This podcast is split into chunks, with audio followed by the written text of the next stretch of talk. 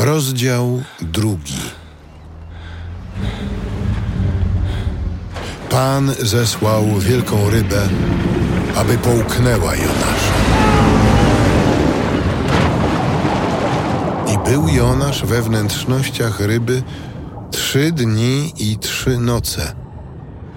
Z wnętrzności ryby modlił się Jonasz do Pana, Boga swego, i mówił – w utrapieniu moim wołałem do Pana, a On mi odpowiedział.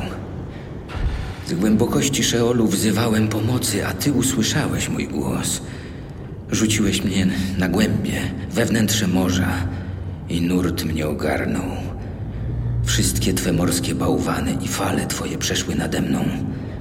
Rzekłem do Ciebie, Wygnany daleko od oczu Twoich, a mimo to nadal spoglądam na Twój święty przybytek. Wody ogarnęły mnie zewsząd, aż po gardło. Ocean mnie otoczył, sitowi oplotło mi głowę.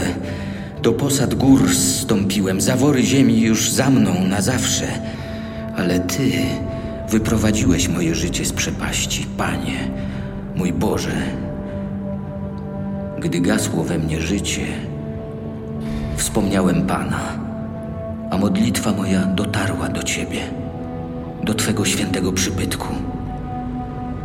Czciciele marnych bożków opuszczają łaskawego dla nich, ale ja Tobie złożę ofiarę z głośnym dziękczynieniem.